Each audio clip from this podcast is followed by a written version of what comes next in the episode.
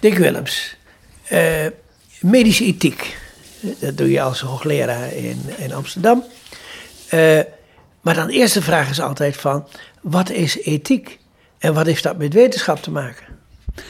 Ja, e- ethiek, als je het heel ruim zegt, is dat de, de wetenschap van wat goed is. Van, Oh, norm. ja, gaat, nou waarden noemen we dat meestal. Dus wat wij van waarde vinden, wat we goed vinden. Bijvoorbeeld, we vinden over het algemeen, in ieder geval in het Westen vinden we het heel goed als mensen zelf iets te zeggen hebben over hoe ze hun leven leven. Dus dat mensen de vrijheid hebben om, om zelf hun leven in te richten naar wat zij belangrijk vinden. Dus dat, dat is een belangrijke waarde. En ethiek gaat daarover. Nou gaat medische ethiek is niet zo abstract alleen maar. Het medische ethiek gaat het heel vaak over dilemma's die je hebt in de, dus je, in, in de zorg. Dus je, het kan bijvoorbeeld zijn dat je, nou wat ik net zeg, je vindt het heel belangrijk dat je eh, volgt wat iemand zelf van belang vindt voor zijn leven. Maar het kan zijn dat dat heel slecht is voor zijn gezondheid. En, een, een, een, dilemma, ik noem maar een voorbeeld wat we, waar we het wel vaak over hebben, is bijvoorbeeld dat iemand een hele ongezonde manier van leven heeft. En eigenlijk vind je dat daar moet hij wat aan doen. Maar die persoon zelf heeft daar geen zin in, of die vindt dat te moeilijk, of die heeft er niet genoeg last van, of weet ik het wat. Dus dat kan een dilemma zijn. Hè? Dus iemand. is bijvoorbeeld dat eh, eh, iemand met, met een leverproblemen, die krijgt geen transplantatie omdat hij drinkt. Ja. En de vraag van de ethiek is dan: is het, is het eigenlijk wel, kun je dat eigenlijk wel verantwoorden? Dat iemand die, eh, die, die drinkt, dat hij geen levertransplantatie krijgt, omdat er geredeneerd wordt vanuit zeg maar eigen schuld of iets dergelijks. Maar goed, er zijn ook andere problemen. Ik- Nou, maar vertel eens, hoe wordt daarover gedacht? Nou, de, de, de, de, de gedachte is dat je, dat je eigenlijk mensen zo weinig mogelijk. dat je eigenlijk ze niet zorg kunt onthouden, omdat ze zich. om- laat ik maar zeggen, omdat ze zelf ook deel zijn, eh, zijn van het probleem wat er ontstaan is. Hè? Dus je, je- een levertransplantatie gebeurt meestal omdat je. Omdat het, omdat er, omdat het eh, na een, een leven van te veel drinken je, le- je lever niet meer goed is. Maar het kan ook genetisch bepaald zijn. Ja, het kan ook genetisch bepaald zijn. Daar is, maar daar is eigenlijk helemaal geen probleem. Maar het dilemma begint pas als, er wel iets, als het wel iets te maken heeft met hoe iemand geleefd heeft. En eigenlijk is de algemene regel dat we mensen daar niet op afrekenen. Dus dat we niet zeggen, van, jij krijgt geen zorg meer, want je hebt het er zelf naar gemaakt. Dat doen we met mensen die roken ook niet. En we doen het ook niet met mensen met overgewicht bijvoorbeeld. En eh, die discussie over overgewicht is bijvoorbeeld, is wel interessant in dit verband, want die, die kwam ook kort geleden rond de coronacrisis waar we hier middenin zitten. Hè? Kwam, kwam die discussie een beetje, ik weet niet of je dat gevolgd hebt, maar Nou, het wa- waren vooral eh, corpulente oudere heren die namelijk op de IC kwamen. dat was de discussie. En de, eh, een, een slanke jonge man als Jort Kelder, die heeft toen eh, eh, gezegd van ja, moeten die mensen eigenlijk wel naar de IC, want straks kan ik er niet op, terwijl ik wel altijd goed op mijn gewicht heb gelet. Nou, dat is een soort discussie waar, waar ik echt absoluut niet aan wil. En wat, wat ook in de ethiek over het algemeen niet, eh, niet wordt geaccepteerd. Dat je mensen op zo'n manier afrekent op hoe ze geleefd hebben, terwijl je bij, in heel veel gevallen mensen daar zelf helemaal niet zoveel over te zeggen hebben gehad. Hè? We er zijn ook nogal wat pillen die eh, dik maken. Er zijn pillen die dik maken en er zijn, eh, ja, heel veel mensen komen ook uit een omgeving waar, eh, waar, waar, ze, waar, waar corpulentie gestimuleerd wordt. We worden ook in de supermarkt toch nog steeds wel gestimuleerd om de dingen te kopen waar we dikker van worden.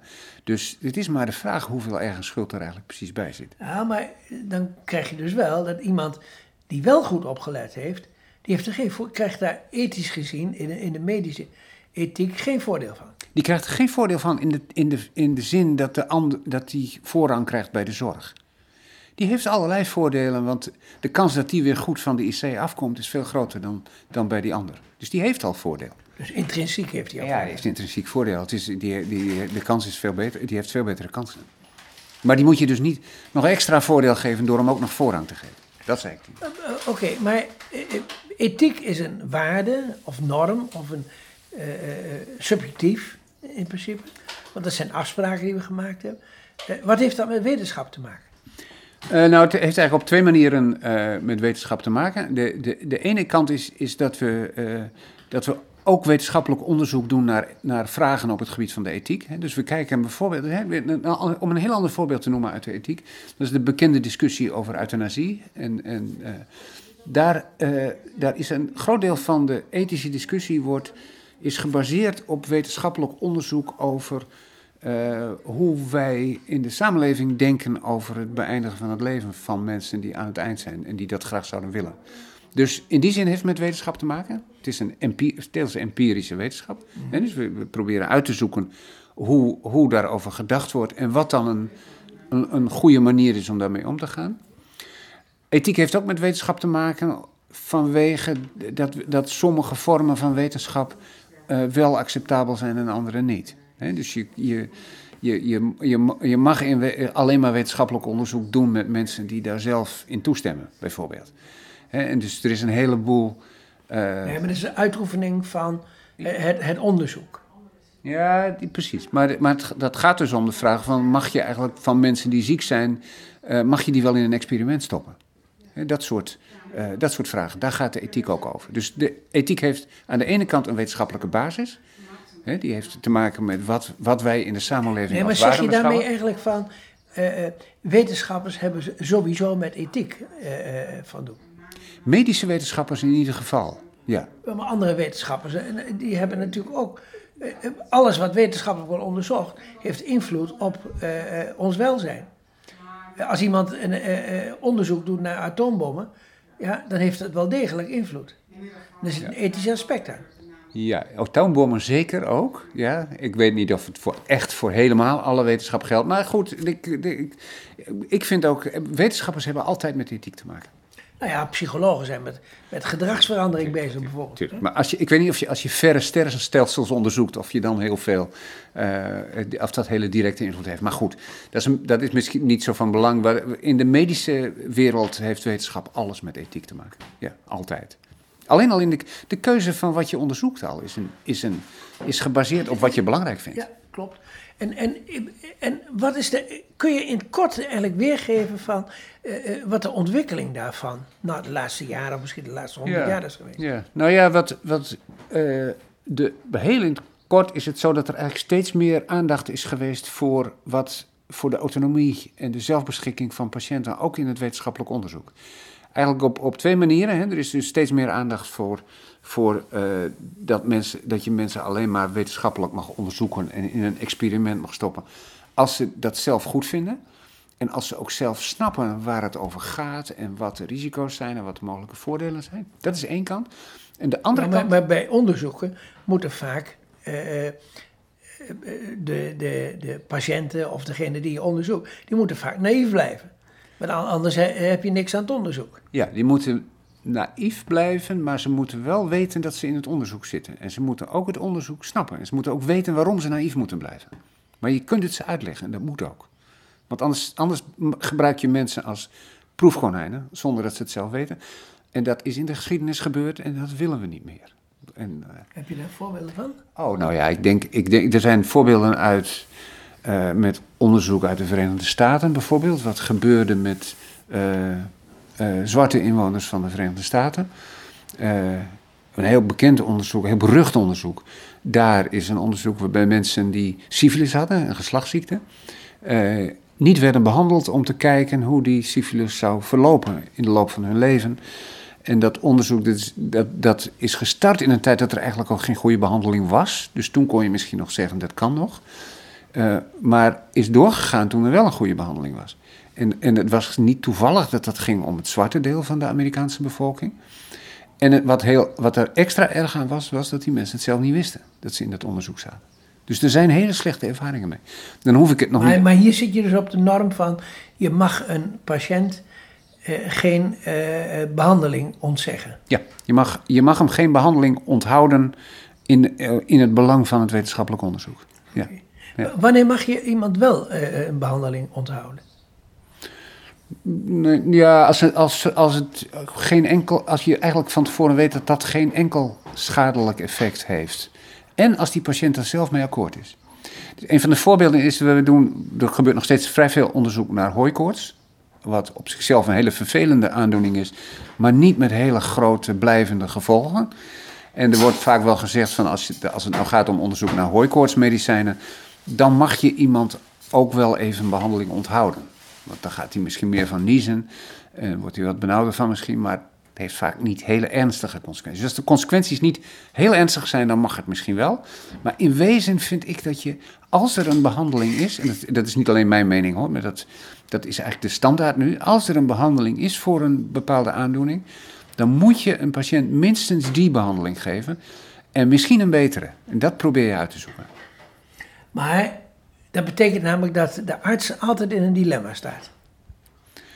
Ja, maar dit is wel oplosbaar. Het is wel een dilemma, maar een oplosbaar dilemma. Ja, maar, maar er, kunnen, er kunnen natuurlijk uh, situaties zijn, zoals bijvoorbeeld een uh, opslagveld. Of, ah. of bij een groot treinongeluk. Of, oh, ja. ja. dan moet je keuzes maken. Ja, ja, dan hebben we het niet meer over wetenschappelijk onderzoek. Maar natuurlijk, er zijn, er zijn in alle situaties dilemma's mogelijk. Ja, zeker. En dit, dat, dat slagveldvoorbeeld wat je net noemt, dat, dat is natuurlijk iets wat wel heel uh, concreet uh, dreigde te worden. En in Italië eigenlijk ook in de laatste maanden heel concreet is geweest.